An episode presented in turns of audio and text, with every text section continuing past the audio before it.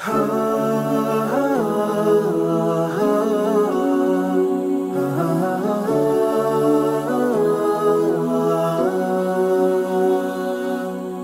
alaikum och hjärtligt välkommen till Koranpodden och till säsong 9 med temat Brobyggare. Jag heter Salih Tufek Cholo och detta är Koranpodden. Podcasten där vi möter spännande personer som upptäckt och valt att anamma islam som sin personliga tro. Du lyssnar på poddavsnitt 229 och mitt samtal tillsammans med den levande legenden och danske imamen Abdulwahid Pedersen som konverterade till islam 1982. Och då var jag endast fem år gammal, så du får själv räkna ut på egen hand hur gammal jag är idag. Abdulwahid är faktiskt född i Sverige, vilket jag inte kände till när jag träffade honom för första gången vid huvudbangården i Köpenhamn centrum. Efter att ha hälsat på honom så började han prata svenska med mig. Jag blev helt paff. Men det var en trevlig överraskning. Mer om detta i vårt samtal. Abdul Wahid berättar om sin långa resa till islam som börjar med hippierörelsen på 60-talet och under en tid då han blev hindu i Indien och levde superenkelt som en asket. Du kommer få lyssna på ett öppet hjärtligt samtal med många kloka tankar och spännande erfarenheter. Okej, nog med försnack. Nu ska du få lyssna på mitt samtal tillsammans med Abdul Wahid Pedersen, den danske imamen som blev muslim 1982, en sann brobyggare för ökad förståelse mellan muslimer och människor av en annan tro i det danska samhället.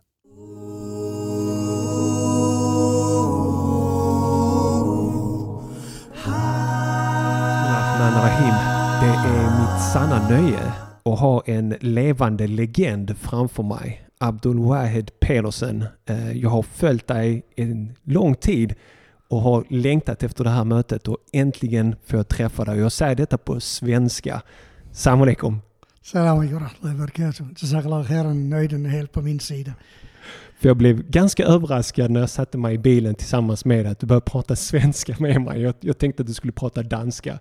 Ska vi köra någon minut här på svenska och sen kan vi byta över till engelska? Ja, inshallah. Ja, jag, jag, som jag förklarade för dig också så var det det första språk jag lärde som, som eh, liten pojke. För min mor var från Finland och kom som krigsflykting till Sverige när hon var nio år gammal, eh, tror jag, i 1938 eller något sånt.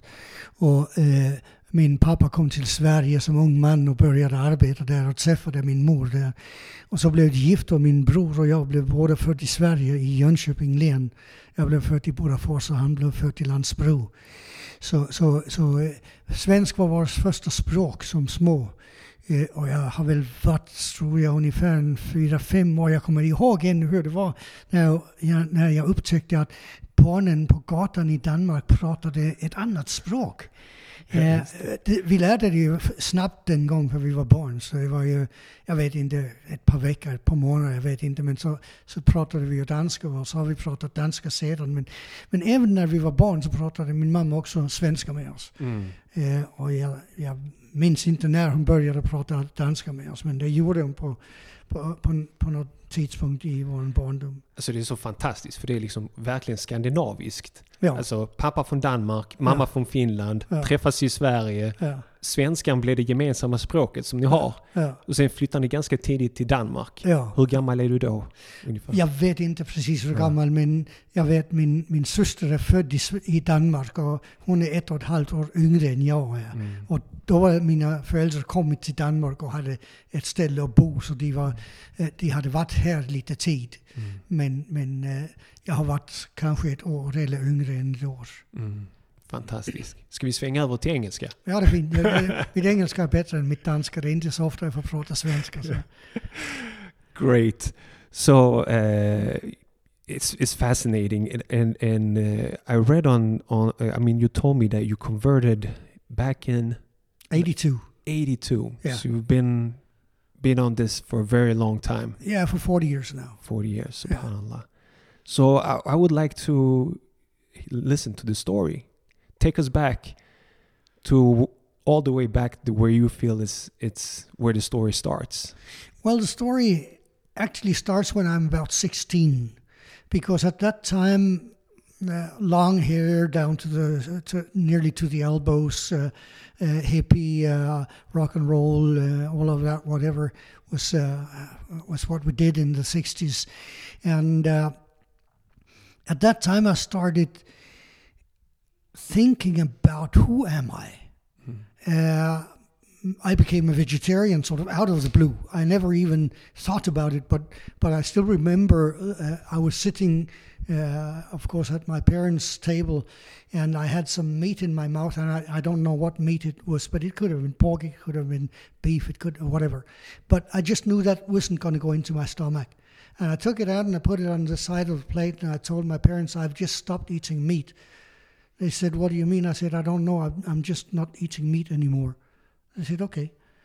uh, at that time, we didn't even know there was such a word, word as a vegetarian. Yeah. So I, I, was just not eating meat, that was it. Yeah, and in, in that same period, I started speculating about who am I and why am I what I am and am I what I think I am. Where did those questions come from? Like, was it the music or was it the it was there in the air back then. I mean, yeah. everybody was uh, into something, you know. The whole hippie movement was actually a, a very revolutionary way of, mm. of, of uh, looking into yourself.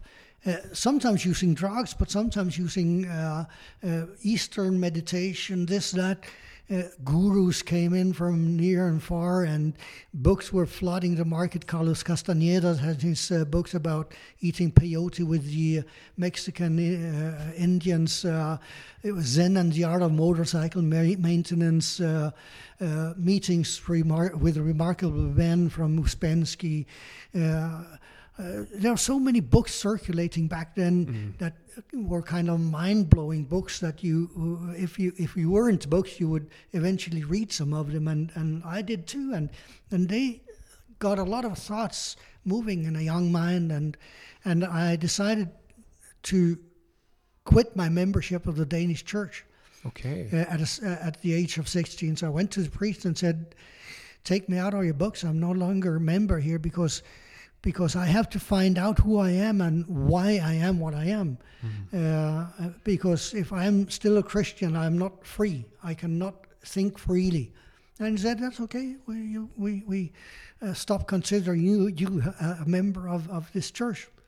And I, I didn't really know what it was, but, but at one point, I, I at least I got down to the idea that there is some kind of ruling power mm. in the universe.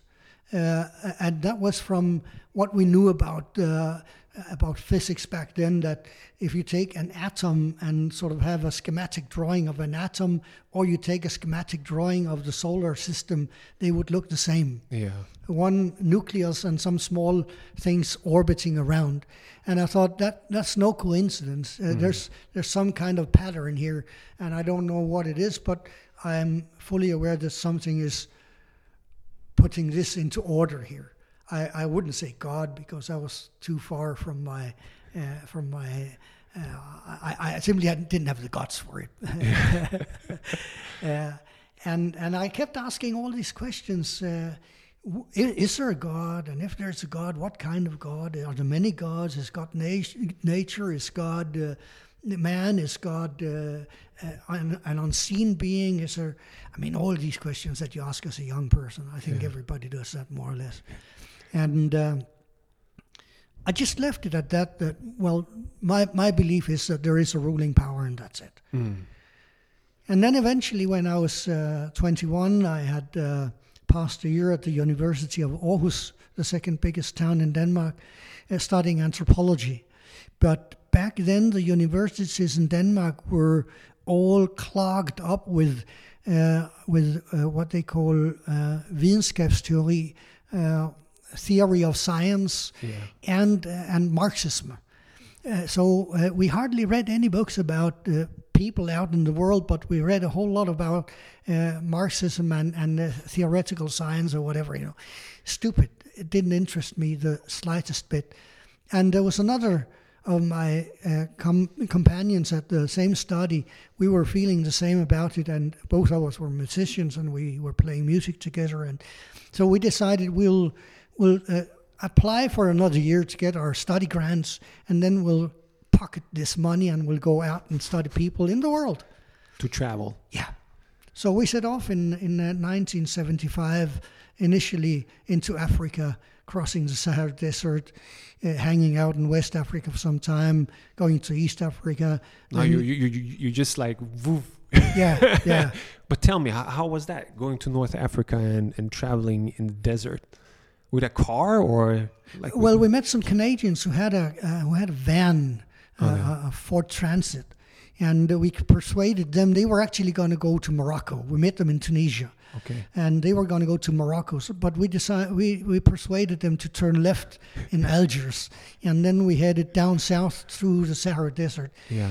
Dirt track, dirt track, dirt track for thousands of kilometers. Tremendously interesting. What what did you see? What did you experience? Because this reminds me so much of Knud Holmboe, which I Mm. made a series about on this Mm. podcast. He made this traveling also, right? Mm. He was going for for Hajj. Yeah, he traveled the coast. We, we did the opposite. We cut across the land. yeah. uh, uh, heading for, for Nigeria because there was going to be a Black Arts Festival in Nigeria, and, and we were heading for that. Uh, I think somebody killed the president or whatever happened. At least uh, uh, the festival never came to be. But but we landed in Nigeria, and and by what we call coincidence or chance, I believe, by the will of Allah, uh, we ended up staying in the heavy, heavy slum of Lagos uh, in Nigeria, which was our great luck because Lagos was and is still a very, very dangerous city. Okay. And if you have money in your pocket, they will kill you Yeah. to take that money. But because we landed in the slum and stayed in the slum with the people of the slum, we were like nobody would touch a hair on our head because everybody knew these two Oyinbo, as they called us in the local language, these two white people, they lived with Joe in Abeokuta streets uh, in Ebute Metta East, and they are our guests. So we could move around these areas where no white man would ever go. Even the rich uh, uh, Nigerians wouldn't go there Yeah. because it was very, very dangerous areas. So, so we were we were exposed to a lot of things. One of the things which was uh, so actually looking in the rear mirror, you know, uh, at the end of the travel, these Canadians they sold their their van in Niger, Okay. and the rest of the trip we did on top of a truck, like uh, sitting four or five meters up. There were sheep in the bottom, or maybe some goods. I think some some some packages in the bottom. Then sheep in the middle layer, and then there was like a top layer where people sat on top. And we were sit- sitting up there on top with all these Hausas and uh, sort of uh, uh, desert people with Yeah. sharp elbows and and uh, sharp noses, and and we were there two soft uh, uh, Danish uh, little Sun guys. cream all red. Yeah, yeah, yeah. 21 years old, you know, fresh from the kindergarten, more or less, and. Uh, and uh, we were crammed up there on top of that truck with uh, about 50 Hausas going through the desert, and and they had to stop to pray all the time. These guys, oh, it was a nuisance, you know, all the time, all the time. Stop, we have to pray. Stop, we have to pray. Stop. and we were fed up with them. I mean, Yeah. these guys, they were unbearable. Yeah. And subhanallah, years later, I had to. You came to that path. Yeah, but I at that time, you just thought something like, Yeah. what is this? Yeah. So uh, we hung out in West Africa for some time, t- went to East Africa, hung out there on the beach for some time, and eventually found a ship taking us from Mombasa over Karachi to Bombay. And then we hung out in India for a couple of years, India, Sri Lanka, and those areas. So altogether, I was on the road for four years back then. For four years. How Yeah. did you handle it economic? Um, you know, with the economy, like how did you make the money to? Not all of it is good to say on a podcast, but, but we were uh, we were inventive. Oh yeah. Yeah, uh, at least at least a lot of it we did in a quite sober way. Mm. Uh, we played music, Yeah. and uh, we managed to make money out of our music. Good. Uh, we we had uh, in in in Algeria some some oil workers. We were playing in a in a place where they were excavating oil, and they called us the Striking Vikings. so we stuck to that name and and uh, and branded ourselves as the Striking Vikings, and and we were pretty good. I'd say. I mean, I, I, we were we were so much. Uh, played into each other so so we really knew where we had each other Yeah. and and we could improvise freely and we would follow each other as as uh, two legs on the same person will follow each other and so so we were good i mean we weren't bad that's for sure and people loved to listen to us and and we did make money on this but sometimes we also had to be a bit more creative Creative. so, so to speak uh, but we managed for a good few years and Yeah. and during these travels i kept turning over these questions in my head that I had started with years before, and and uh, eventually I, it dawned upon me in India that that very often people who have nothing, like the people we live with in the slums of Lagos and people who had met other places too, people who have nothing are often very generous, and they're often also very easy. Uh, they, they, they don't they don't pretend a lot in front of you. Uh, so so uh, so I found that that there are some other values that you can have without money, and that I want this. Uh, so I thought if if if if if if, if they have something, it can only be some inner value, and I believed it would be faith, belief. Uh, and at that point, I had actually more or less accepted the idea of God, not not fully, but at least I had the idea that there was kind of a God, and that God had sent all His messengers, or actually all religions, and I saw them as as a mountain where where there was this fountain on top, the the, the real truth from uh, from the top, and floating down as rivers on the side of this mountain, and I was walking around the base of the mountain, and I knew that in some of these rivers, stuff had been taken out. In others, something had been added, and I wanted to go to the source. So I thought, well, if they're all from the same source, I'll just enter into any one of them, and I will go upstream to the source. Yeah. So I became Hindu In, because in, in India, or in India, yeah, what was it that made you a Hindu? What was that? the- convenience, I guess. I guess. everybody was Hindu. Everybody was Hindu. It was convenient. There was a lot of Hindus around, and uh, and uh, it just fit into into my idea of uh, well, it doesn't really matter which uh, which vehicle I use here because I'm Yeah. heading for for the Source. top of the mountain, and and I can go uh, any way I want to. So for me, it was like a vehicle to get to somewhere. was there some specific guru that you follow there, or Well, yes, it was. Uh, I was in a place called Pushkar, which is a place where where the Hindus believe that everything took its big, it, uh, every f- part of the physical world took its beginning. And I was there, and and a, a, a- a guru came to the hotel where I was staying, um, and they told me, I, the people at the hotel, they told me he never comes out of his of his uh, temple, but he came there to ask me and one more to follow him to his temple, and he came specifically for us. wow? So we went with him, and, and I stayed with him for a good few months in his temple, and he never, never stepped out of the gate. wow. But he came to that hotel to pick us up and tell us, "You have to come with me. You are my students." So we stayed with him for uh, some time, and and he was my guru. And I came back for, uh, many years uh, uh, later, a few years ago, like uh, less than ten years ago, and Yeah.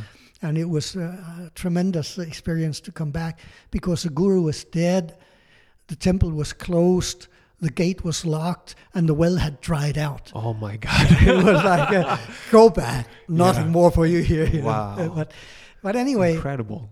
yeah, stayed with this uh, So what did you what did you learn being a, a Hindu for how many years?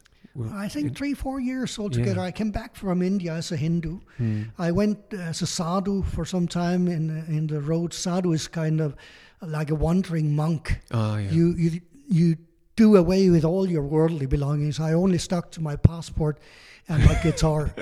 Uh, but everything else, no money, no return ticket, not even proper clothes. I'd Yeah. made some clothes, stitched some clothes myself. I'm definitely not a tailor. uh, not even a pair of shoes. I mean, tr- really trying Wow. to see what will happen if I push myself to the limit. Yeah. Uh, how will this spoiled brat uh, react? And I found that it was good. Mm. Uh, and and it made me realize that I'm definitely not going to spend my life chasing material wealth Mm. because I felt perfectly fine without it.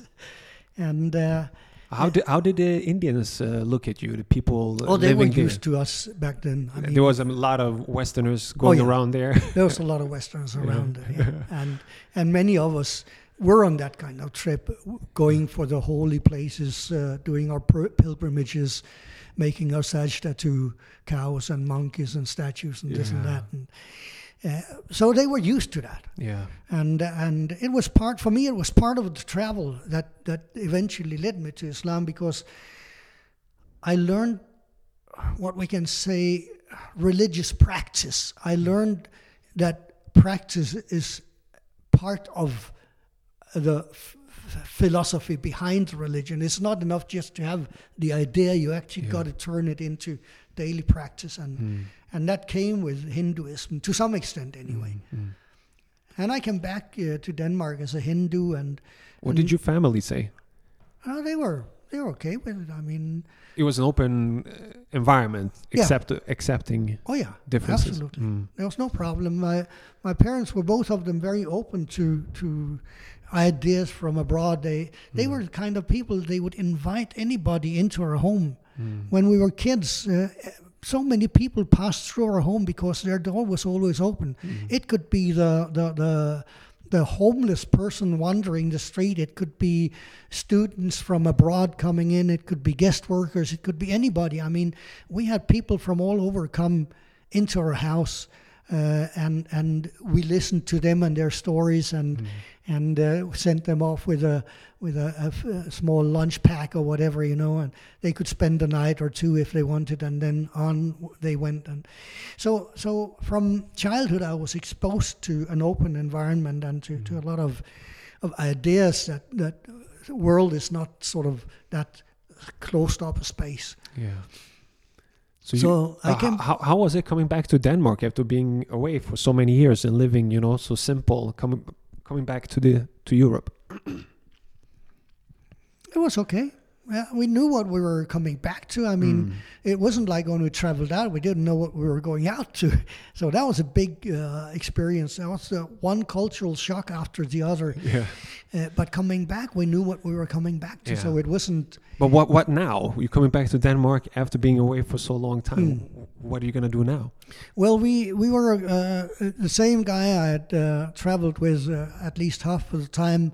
Uh, him and I and a few more, we formed what we called a collective, a place where a few of us lived together in the same shared premises, and we moved into the countryside and continued with our rock and roll and uh, and uh, whatever else we did, and. Uh, uh, one day I was in the garden, and and as I was sitting there in the garden, it suddenly struck me that I'm not a Hindu, uh, because I realized I believe in one God, Hmm. definitely only one God, and in Hinduism you worship a number of different deities. Yeah. So I knew no, that's not me. It's- that's in, not in some in some Hinduism, uh, they, they have this belief that there is only one God, but this God can come in different shapes. I know. Right? Was was that the same philosophy you had back then? That there's actually one God, but he can no, no. because that's not what the common man thinks. yeah, yeah, okay. common man, and I was a common man, Yeah. and I still am a common man. uh, the common belief was that there are many different Yeah. gods and goddesses and semi-gods and semi-goddesses and whatever Mm. and whatnot. And uh, that just didn't fit in with my belief of one being Mm. sort of ruling it all and and giving all these different religions. Now, now when you think back, Mm. what what happened that just all of a sudden when you're in the garden, you just come to that belief that It was uh, more or less like when I became a vegetarian as a young. It was Oh. like bolts of lightning out of the blue. Mm.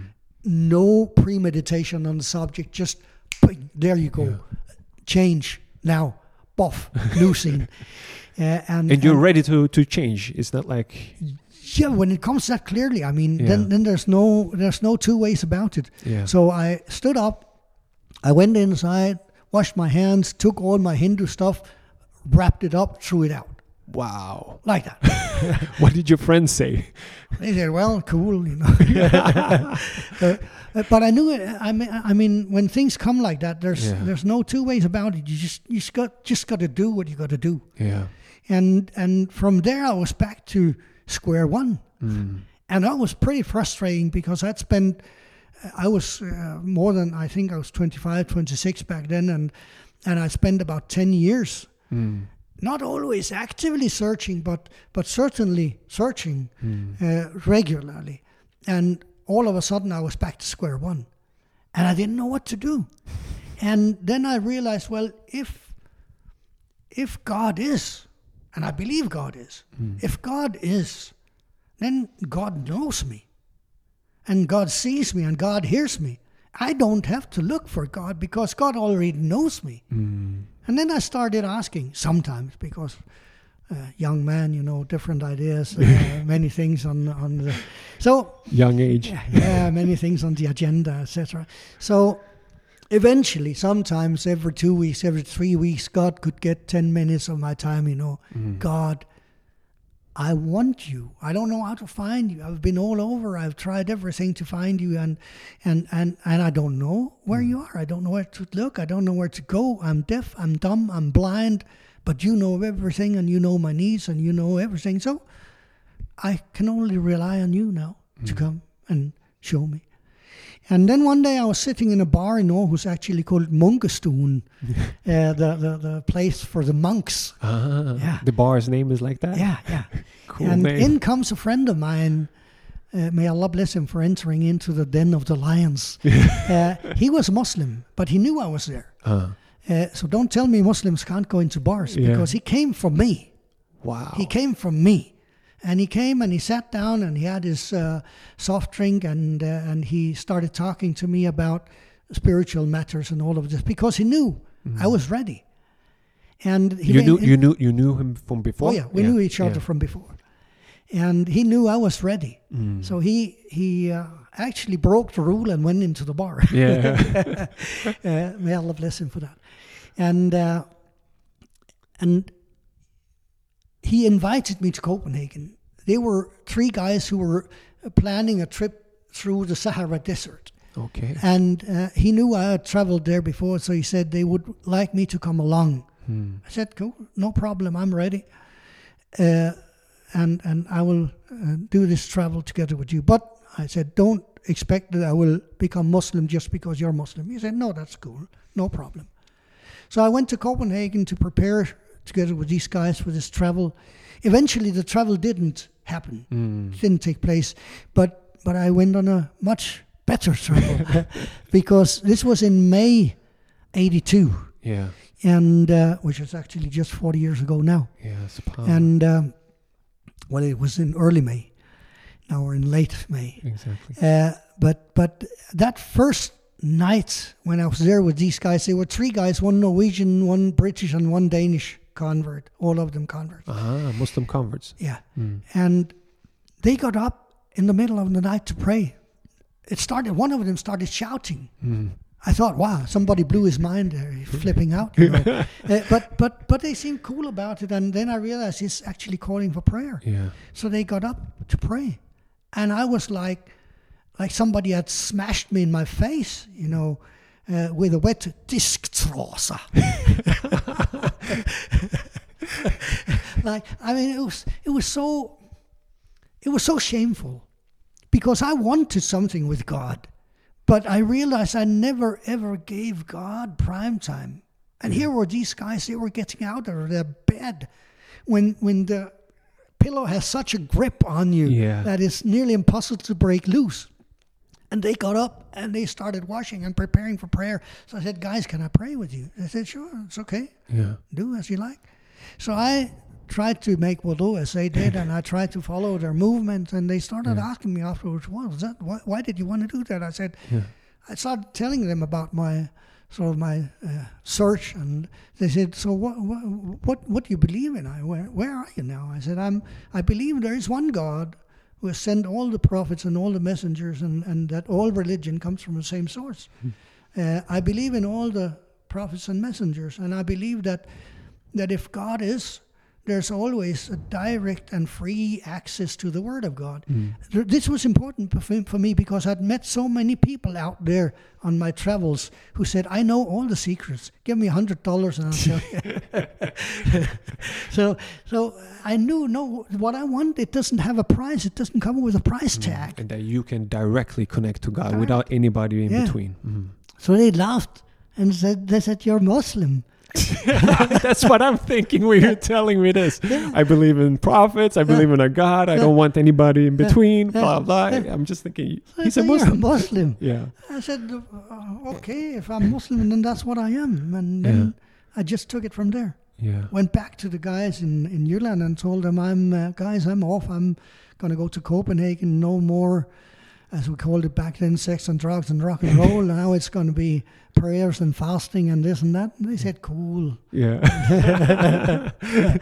And uh, that was the start of it. Subhanallah. So so how did it? Uh, uh, tell me about the journey from you become a Muslim in '82 in early May. What what do you do now? You discover this new religion. Do you study it? Do you? Yeah, of course. I Mm. mean, and the first thing I did was I, I started studying Arabic Yeah. because I wanted to read the source. Mm. And that was what I'd been looking for. I'd been looking for the source, and suddenly somebody is here telling me this is the source. Yeah. It's right there in this book. Mm. It's not been altered. It's not been tampered with. This is the original source of wisdom directly from God. That's the top of the mountain. That's the top of the mountain. Yeah. So I said, okay, I better start studying Arabic then. So within a week, I was onto Arabic and uh, starting to read whatever books. There were not many books back then in English. So Muwatta was one of the books that was translated, Imam Malik's Muwatta, and there were a few others. And so whatever was there, I, w- I, I- gobbled it up. I was, uh, I was so hungry and I was like a sponge, you know, just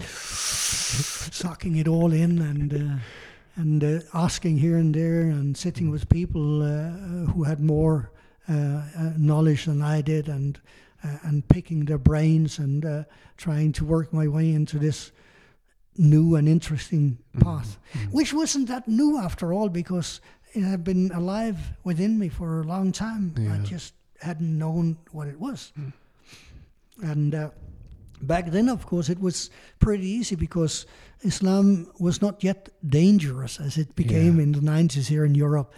Uh, back then, it was exotic. Yeah. It was uh, a thousand and one nights. It was uh, uh, all these, uh, you know, uh, exotic fables and tales and uh, Yeah. uh, whatever. So, so it was. Uh, we weren't disturbed by all this noise which is out there now. It was. Yeah. It was much easier to be focused on on uh, on the essential matters of it. Mm. And again, again, I don't believe in chance. Allah sent me into this group who were very spiritually minded people. Mm. Uh, so, uh, and that was what from where I came from. I mean, uh, I, I didn't come because of all those rules. I mean, I, I, the rules are good for me. It's good for me. I have to pray five times a day because otherwise I will maybe only pray once every two weeks. But when I promise to pray five times a day, it sets a standard, and I have to live with that. But but praying and all of this from right from back then and still I see as tools. These are tools in the toolbox for doing what Islam actually aims at building better people. Yeah. And and that was what it was all about for me. It was about refining myself from inside out.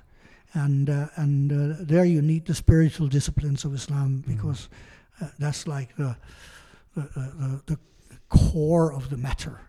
What did your family say and your siblings? They thought it was okay. Okay. Yeah, yeah. there's no there's no sort of uh, strange faces or anything. It was just like, well, okay, now you're onto this one. Cool, good. It's it's okay as long as you're happy. We're happy, you know. yeah. Were there any special like Muslim authors or leaders or anybody like you know, or from the from the past that that, that really resonated with you that you you you gained a lot of knowledge from or Initially, it was very difficult because back in the 90s, the amount of literature was so scarce. Mm. There was probably a lot of English books, but they were not available in Denmark. uh, yeah. So, so you didn't have internet back then. No, we didn't have internet. We had uh, stone tablets and a hammer and a chisel, basically. so, so it was different. I mean, Yeah. uh, we had to, we had really had to work our way into it. Uh, Mm. It was it, it we we it wasn't thrown at us like that. Uh, so so it was a different way of traveling back then. Mm. Uh, but but then again, it was good, uh, and slowly, of course, books started coming, and even I got in, in, engaged in, in translation, and uh, other people did the same. So already back there in the late '80s, up through the '90s, we we started publishing books, and then in Danish. Mm.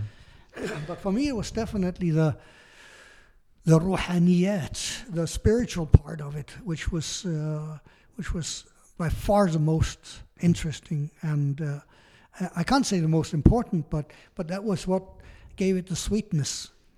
You became like a uh, the Muslim person for Danish media to to to ask questions. Yeah, the Like- go-to guy. Yeah, exactly. Yeah. Tell me about that aspect of the whole. Yeah, thing. that was one of my biggest mistakes.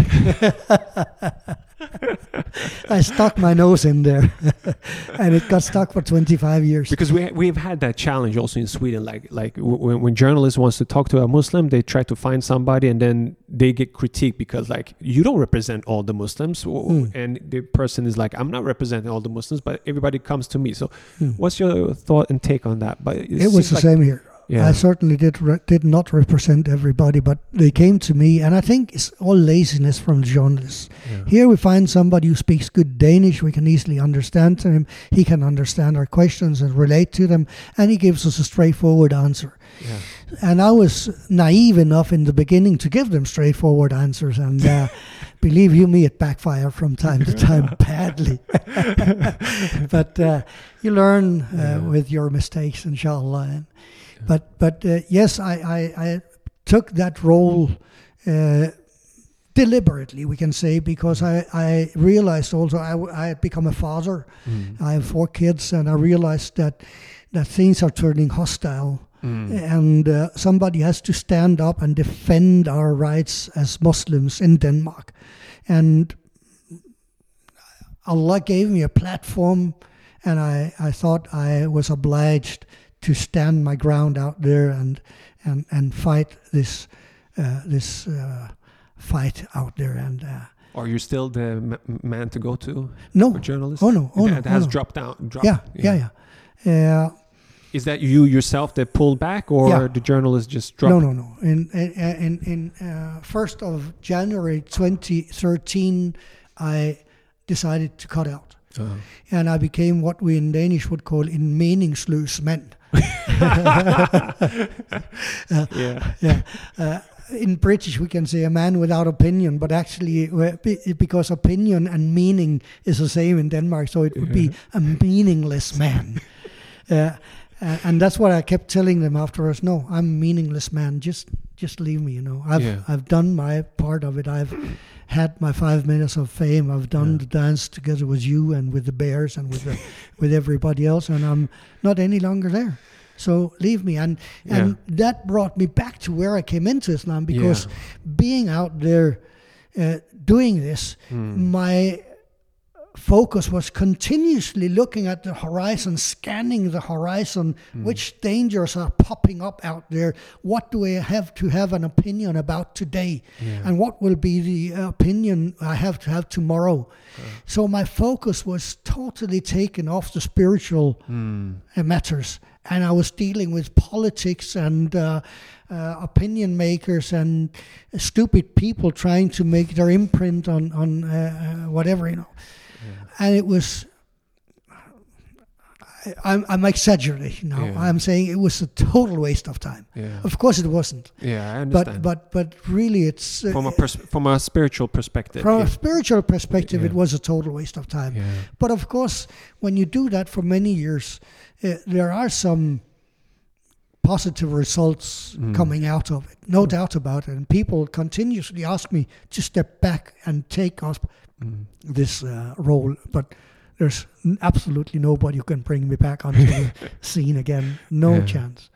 But was there a lot of uh, like questions there where you have to defend Islam and explain jihad and all these things? Hardly anything else for the last. Uh, Yeah. I, I, I- I firmly stepped onto that scene, I think, in 87. I think Rushdie came out with his book. Yeah, yeah, yeah. Uh, and that was when I first. Satanic verses, right? Yeah, that was when I first stepped onto the stage. And and uh, then in the 90s, it started turning bad here, you know, with Islamophobic. Yeah.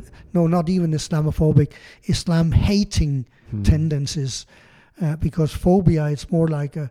uh, Scared. yeah, it's like an opinion, Yeah. but uh, but hatred is different, and this was hatred. It was not uh, just uh, presenting ideas. This was hatred, and it uh, accelerated, of course, and is still accelerating out there. yeah.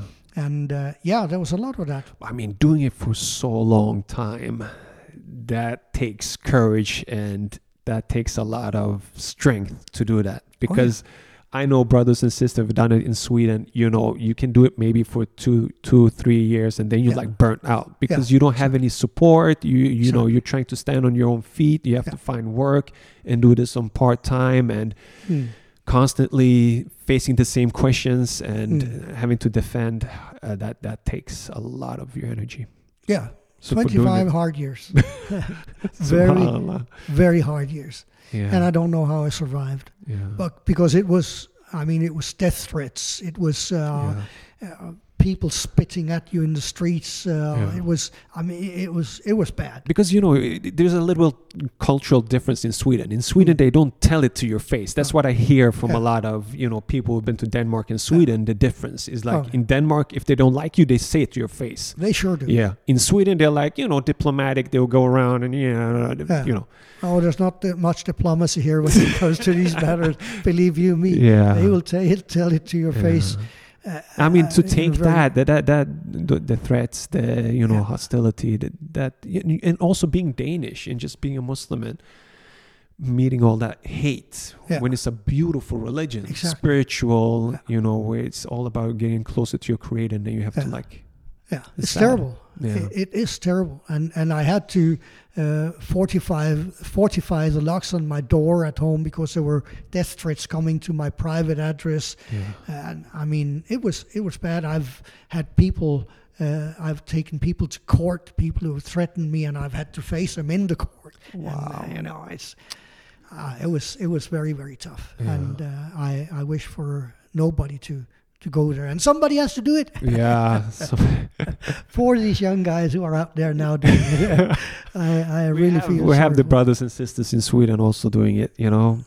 May Allah give them strength Yeah, I because somebody has to do it, you Yeah, know. exactly. Uh, but, But- it's it's a but struggle. Also, I found it was reasonable that I drew back because I'm an old man now. I mean, I mean, it's not it's not the old people you send into the front of the war. Yeah. It's the young ones.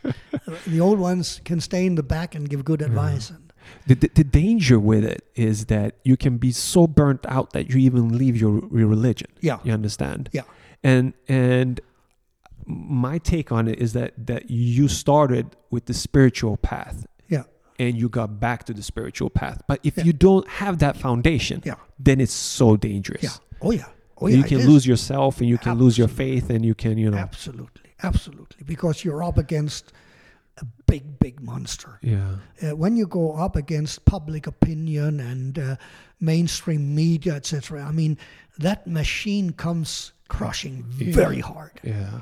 very hard. And and first time you you're exposed to this, you don't know what's hit you. Yeah. Yeah. You're breathless. You're you're you're like stunned and scared and.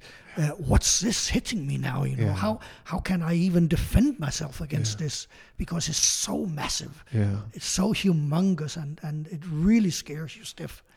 And I, I- I believe that m- many brothers and sisters who are like engaged and you know active they they get burnt as i call it they get Mm. burnt Yeah. before or later Yeah. and i remember i also got burnt you know sometimes but not on the same level Mm. but when you get burnt or when people write about you stuff that's not true you Deliberately writing lies. lies and then you're like do i have that opinion Yeah, exactly. do i believe that that's not me Yeah. and then you have like an internal doubt and you have to like you know Yeah. Uh, how do you say argument and, and give proof that that's not who you are that's so weird feeling I, I had when that even experience my mother started questioning, yeah yeah, do you really? No, mom, they're writing this about. Yeah. Ah, you sure? yeah. Wow, you know. that, that's that's hard It's Yeah. very hard. Yeah, it's very hard. But uh, alhamdulillah, I, I, uh, l- I've been there, done that, and lived to tell. yeah mashallah and then you started this center that we are at now Dansk Islamisk Center if I got it right right Yeah, Yeah. yeah. do you want to tell me why you started this Well, I can't say I started it. yeah Uh, we can say it's it's started probably in uh, '97 when I was elected imam. yeah Uh, we were a group of, of uh, converts and uh, young generation Muslims uh, who were fed up with the fact that whenever we went to a mosque, the language would be Turkish, uh, Arabic, Urdu, uh, Persian, Somali, uh, Bosnian, whatever, Yeah. uh, but not Danish. And many of these kids from Muslim families, their mother tongue was not strong enough. It was like kitchen table Yeah, Urdu. yeah. Mom, pass me the milk, please, kind of stuff. Uh, but but you know when uh, often when these imams. Uh, uh, come from abroad from abroad Yeah. and they speak very advanced yeah, especially also because they want to make an impression. yeah yeah So they, so they don't just speak normal sort of Yeah. everyday Urdu or Arabic. Yeah. No, they lift it two or three notches to Yeah. show I'm man of knowledge here. You know, don't try to mess with me. And and we were all left out. These young guys and us as Danes or whatever. I mean, I I, I do speak a decent Arabic, so I could, Mm. uh, by and large, I could follow the Arabic bombs. But but it's not good enough. I mean, It's uh, also th- th- there's like uh, another element. It's also the the, the topics, Yeah. and that has to be relevant for the society and Yeah. for where Yeah, we're living with those challenges. And I've been travel. I traveled America quite extensive, extensively in the mid '90s uh, for a lot of fundraising. Did I did over there, and uh, from time to time they would ask me to lead the uh, khutbah, to give the khutbah, and to lead the prayer, and they always asked me to do it in English, Ah, although I did speak Arabic. yeah, So I said, no, no, we're in English. And I took that with me home. Yeah. And we sat there in my office in 97 and we're discussing these uh, thoughts about what, what are we going to do to pick up on this. So, so we decided we're going to do something in Danish. yeah, And then they sort of ganged up on me and said, you're going to be the imam. and, and that was when I became imam. I had a following of like uh, 15 or 20 or however many there were in that room. And, and we started in my office yeah, we started with the, the khutbah in, in Danish, and soon that office became too small, and we had to ask uh, some other places, initially a school, can we use one of your rooms for this? And they said, yeah, sure, come. And yeah. so from there it grew. Mm. And then my dear brother Fatih, uh, who's a good uh, friend of yours too, I believe, uh, he took the lead in, in sort of structuring uh, uh, uh, what we call in forening uh, Yeah. society, civil Association. society association, uh, and and uh, he has been sort of the main man in keeping that structure alive for many years. I've been in the board, but uh, but but uh, he's been in and out of the board, and I've been in and out of the board. But but basically, I see him as the prime force in in this center Yeah. that we have today. I only come to deliver my khutbah and uh, and uh, those kinds of things. So the, the the young generation comes here. What what else services do you have for for Danish Muslims? We have a lot of services today. It's taken some time because we, we actually had another place a few years ago, uh, but it was burned down in the Ramadan in 2020.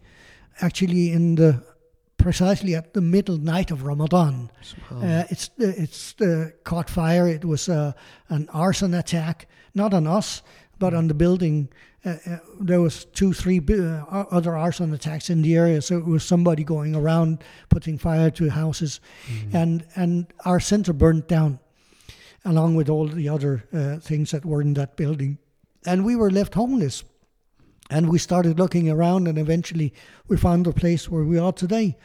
And then we were, of course, in the middle of Corona, and we couldn't properly open the center. But we, we decided we'd take it anyway because this is a unique place in a, in an area of Copenhagen where there's hardly any other mosques. The nearest mosque is maybe two kilometers away, so so there's there's a big local Muslim population around here, and uh, we found that we, if we can service these guys. Uh, we will have an audience already.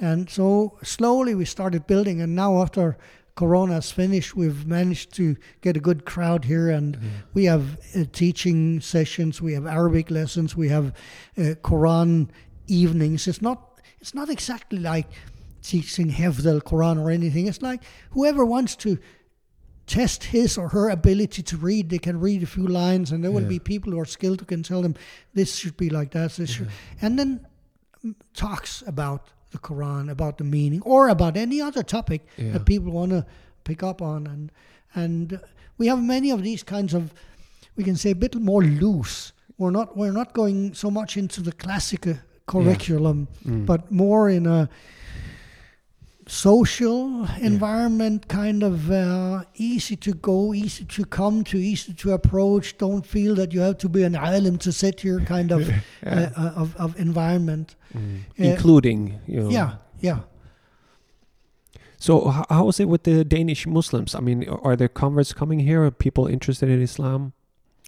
Yeah, uh, there are, uh, but but the majority of our audience here uh, is uh, Muslim, uh, young Muslims from uh, traditional Muslim families Yeah. who feel more comfortable with a Danish approach to Mm. matters. I mean, they've been born and raised here. They they're not Pakistanis or Arabs. Yeah. They're out of Pakistani or Arab families, and they speak Urdu or Arabic, or uh, Berber or whatever.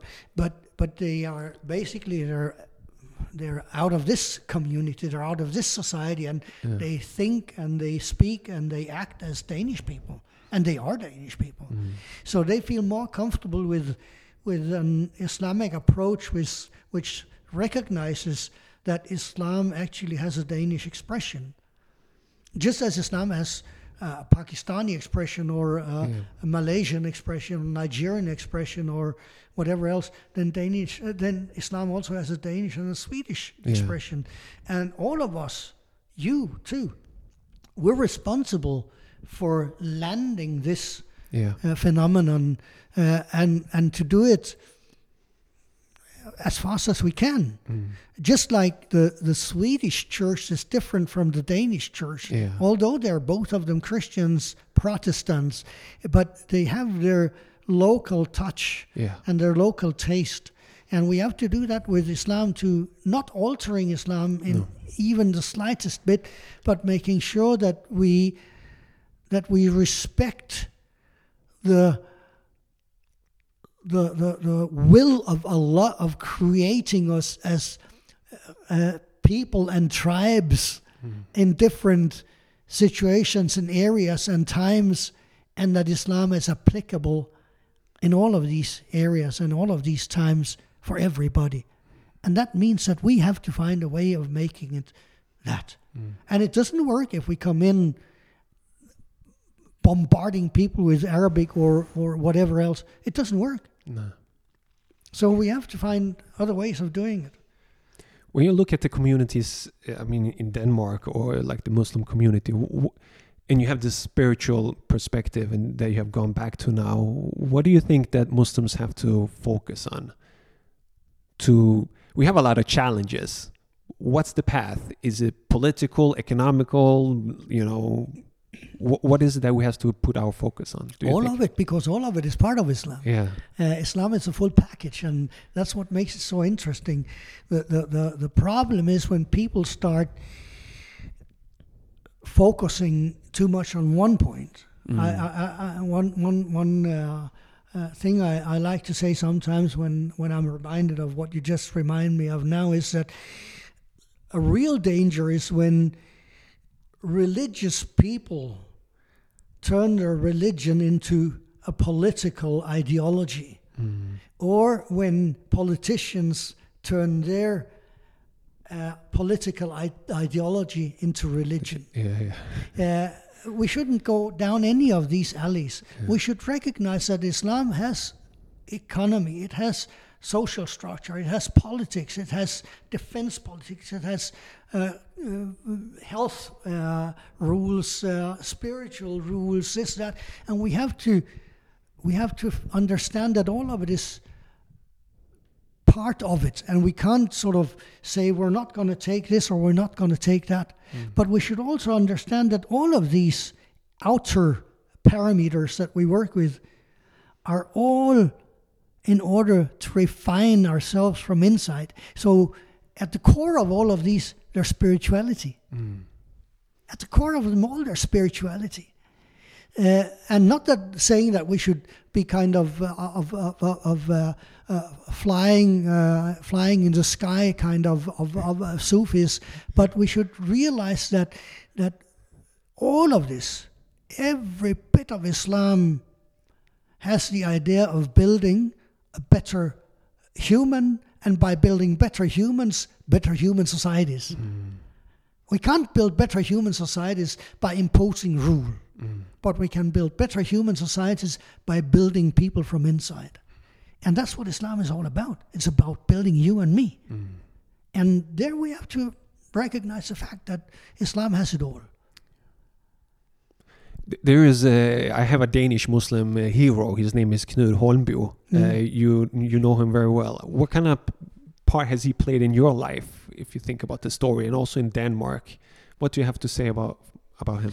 I think he hasn't played a big part in Denmark as such Yeah. because he's not he's not become a big name in Denmark. Of No. course, among Muslims, yes, we we uh, hold him very dear. Uh, w- we know that he was like uh, the grandfather of of Muslims in Denmark. Although this is pro- pro- probably not the whole truth, because there seem to have been Muslims. Uh, uh, centuries before him also but but but he is like a pioneer out there Yeah. and and uh, uh, as you were uh, uh, mentioning earlier, him traveling through North Africa, uh, uh, me doing partly the same. Of course, he's been an inspiration. I didn't know him when I traveled North Africa and crossed the Sahara and all of this, but but later I've read his book and I've read uh, another book about him, uh, and and he is a, a an inspiration for all of us. Uh, but but very little is actually known about him. We know that he was there. We know we, know about his travels and and uh, a, a little bit more than that, but but not so much is known about him. Then then I have another person from Denmark, uh, the guy who comes and burns the Quran. Uh, he did that in Denmark, and now he's in Sweden. What's your take on that? What's your thought about that? He's sick. Yeah. Yeah, I feel sorry for him. I mean, if that is if that is what you have to do for a living, then there's something terribly wrong within yourself. That person has some he has something very much wrong within him. I wish for him he could be cured. Yeah. That would be best for him. Has any Muslim talked to him privately or like? I you- don't know. You don't know. I don't know. I'm not aware of it. But but uh, I mean, there's something wrong if if that is all you have to do. You have to spit in the face of people. If you, if you think that is your mission in life, oh, that's a poor life. What what message do you have to Muslims in Sweden? That has to deal with this now. He, he goes to different yeah, yeah. cities and burns the Quran, Yeah, and he gets yeah. police protection. Well, if, if if I have an old Quran that I can no longer read, I have two options: throw it in the ocean or burn it. Those Yeah. are the classical options. Yeah. So I think better than he burns it than he leaves it in his dirty hands.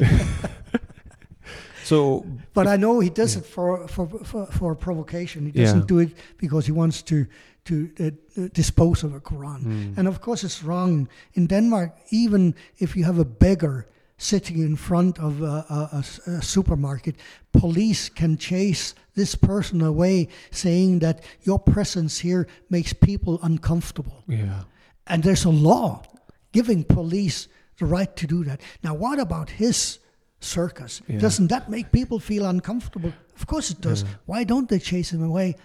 I can't answer that question. Yeah. Uh, or if I do, it's not going to be a nice answer. But do you think Muslims should just ignore him in Sweden? Ignore his act Yeah. because that act only has one goal Mm. agitate the Muslims, have them try to attack him. That is what he wants. And we've had many of these provocateurs coming around. Some years ago, we had another one. He's dragging uh, a wooden cross around the country sometimes. Yeah. and and uh, he was going to come into my neighborhood, which is one of the sort of uh, uh, Muslim heavy areas, uh, maybe the Rosengård of, of, of, of uh, Copenhagen. Of Malmo. huh? Yeah, or Malmo, yeah. Uh, well, you have Rosengård and we have Blågårds. and uh, and he was going to come there. And, With a wooden big fat cross. Yeah, My uh, wrapped in a- an Israeli flag. I'm sorry, man. Yeah. I mean, come Yeah. on. And I told yeah. the guys, uh, well, I known them since they were kids. You Yeah. Know, they're thugs, many of them, and they're gangs, and they're just. They said, look, when he comes, Yeah. don't start abusing him. Go up there and kiss him. Yeah. Because that's really going to ruin his day. and, uh, they He all needs some. kind of he needs some love. yeah, he needs some love, and uh, I mean now we can't go and kiss Paludan because you get uh, within ten meters, police will clop you. Uh, but but but back then we could. Uh, he didn't come eventually, but Yeah. but I mean, uh, you want to go down there, Ali? Yeah, meet them with hatred and, and provocation and, Yeah. and start fighting them. Then you pick their ball game Yeah. because that's what it's all about for them. Mm. You want to do it differently? Well, Prophet Muhammad sallallahu alaihi wasallam.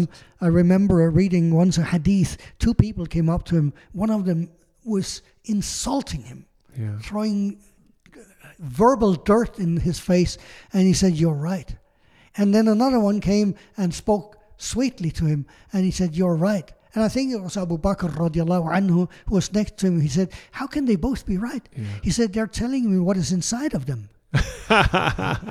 Subhanallah. Yeah. That's so true. Yeah, it is. And that's the same with these people. Yeah. They're just exposing what's inside Inside of them. them, There's yeah. sickness, there's hatred, there's darkness inside of these people. Yeah. I feel sorry for them. What's your take on, you know, since 82 to now 2022, 23, you know, the, the Islamophobia or Islamic hatred or hatred of Muslims, where do you see this going? And how, what can we do to turn it around? No, it's it's it's going to turn, uh, definitely. Uh, Fifteen years ago, maybe twenty, I don't know how uh, long time ago. I was sitting with the then English ambassador of Denmark, and we were talking about this growing Islam hatred which is here. He said, "We've had the same in Britain." He said, hmm. "But at some point, you will reach reach a critical mass, either a critical mass of Muslim."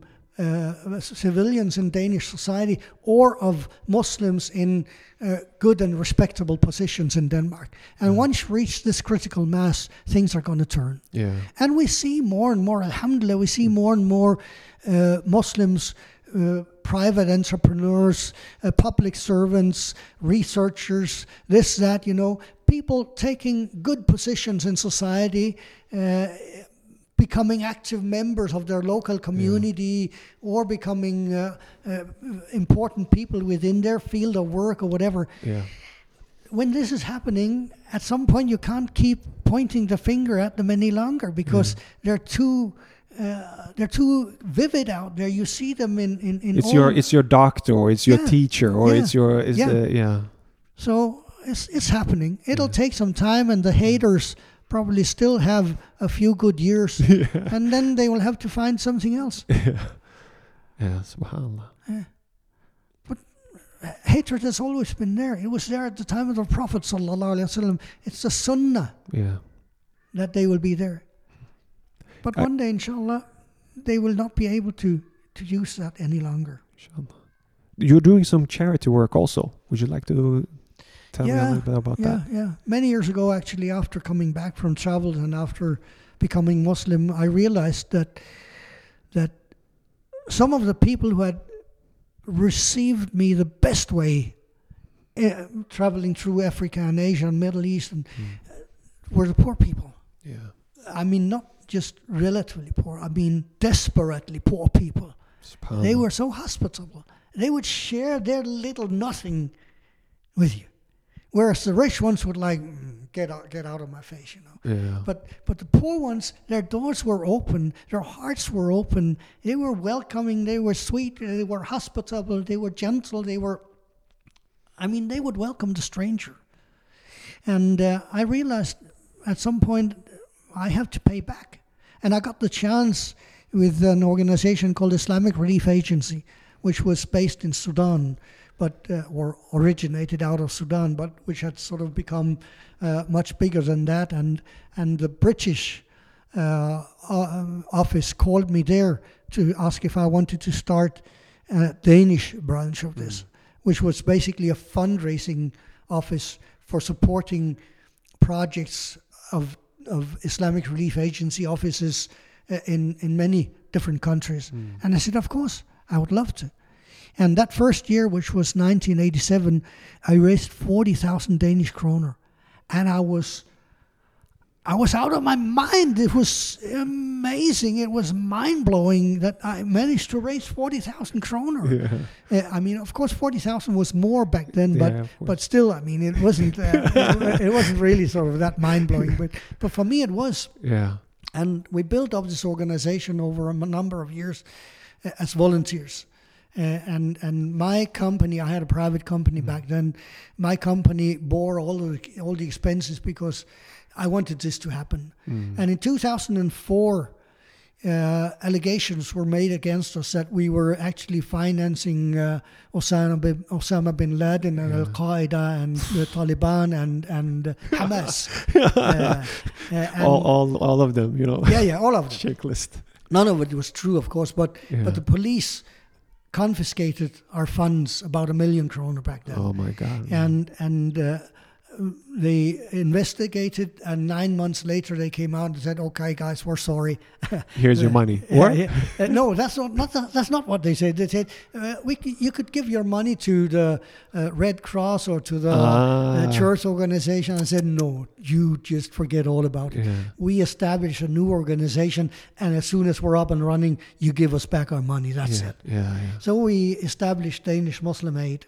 And Danish Muslim Aid today, alhamdulillah, we professionalized also shortly after that. Yeah. Uh, so now Danish Muslim Aid, last year I think we raised 25 million. Uh, MashaAllah. and, wow. and it's by far the biggest Muslim driven charity in Denmark. Uh, I'm on my way out because I'm 68 now. Uh, new generation has to take over. I'm sort of over the hill. I still do some uh, uh, weekly hours, but mainly focusing on what we call uh, corporate sponsorships. yeah. I approach uh, corporate corporations and, and professionals and ask them to support our overheads, not to uh, throw money into projects, but to throw money into our overheads. So we have to take less and less out of our uh, project funds for uh, running the office. And uh, so that's my. What kind of help help do you do right now? Like, what's what's the main thing of? We work in, Charity in work. four countries in Okay. Africa, four in Middle East, and four right. in Asia, and in Denmark. Yeah. Uh, it's it's of course very much dependent on what people want to pay Mm. To. Uh, one thing people are always fond of is orphans.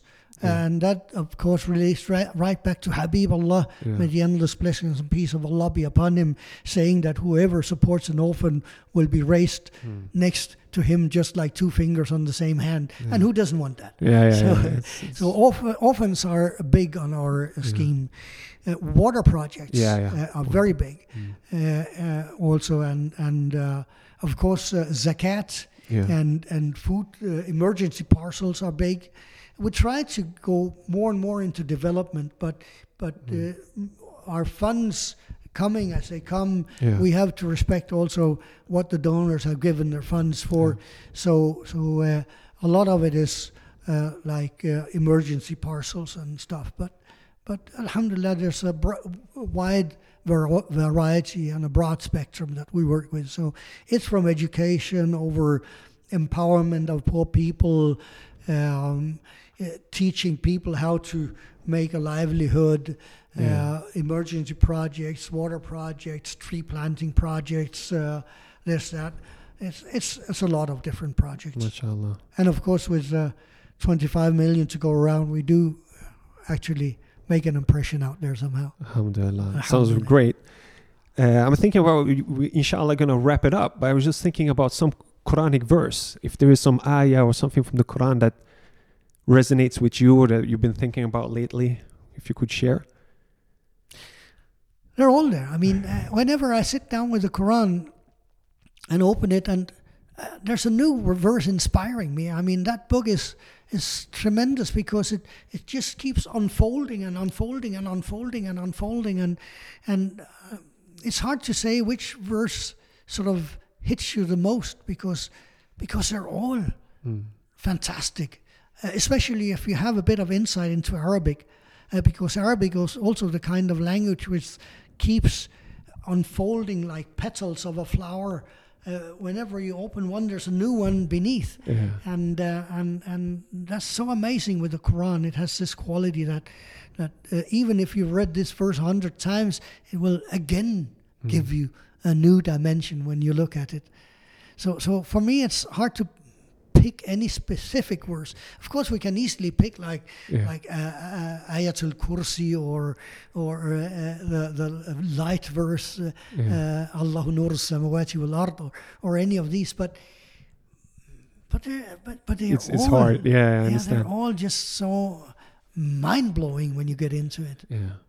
There is a lot of people who wants to, even Muslims, they want to approach the Quran, but they feel like uh, they don't know the language, they can't read it. They feel like it's a huge mountain of a challenge to to to reach the Quran. What kind of advice could you give to young people to get the, to you know take that challenge? just go for it. I was 28 when I started. I mean, uh, you're younger than 28, and I had, uh, without going into too much detail, I had abused my brain before that. so, so uh, even though I was 28, uh, uh, once you go for it, Allah will open for you. Yeah. Allah will make it easier for you. If you stand there looking at Arabic as a language with all its complexity and everything, yes, it's like uh, not just a mountain; it's a it's a, a mountain range Yeah. in front of you.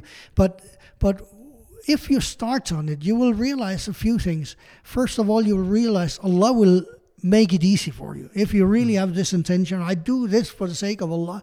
Secondly, Arabic is a language is, which is structured as logically as mathematics. Exactly. So once you start getting below the surface and into the algorithms of the language, it opens up in a totally different way. Yeah. And and uh, it it actually just by knowing a few of the algorithms, you can kind of dig your way into this language uh, in a way you can't do with any other language. Yeah.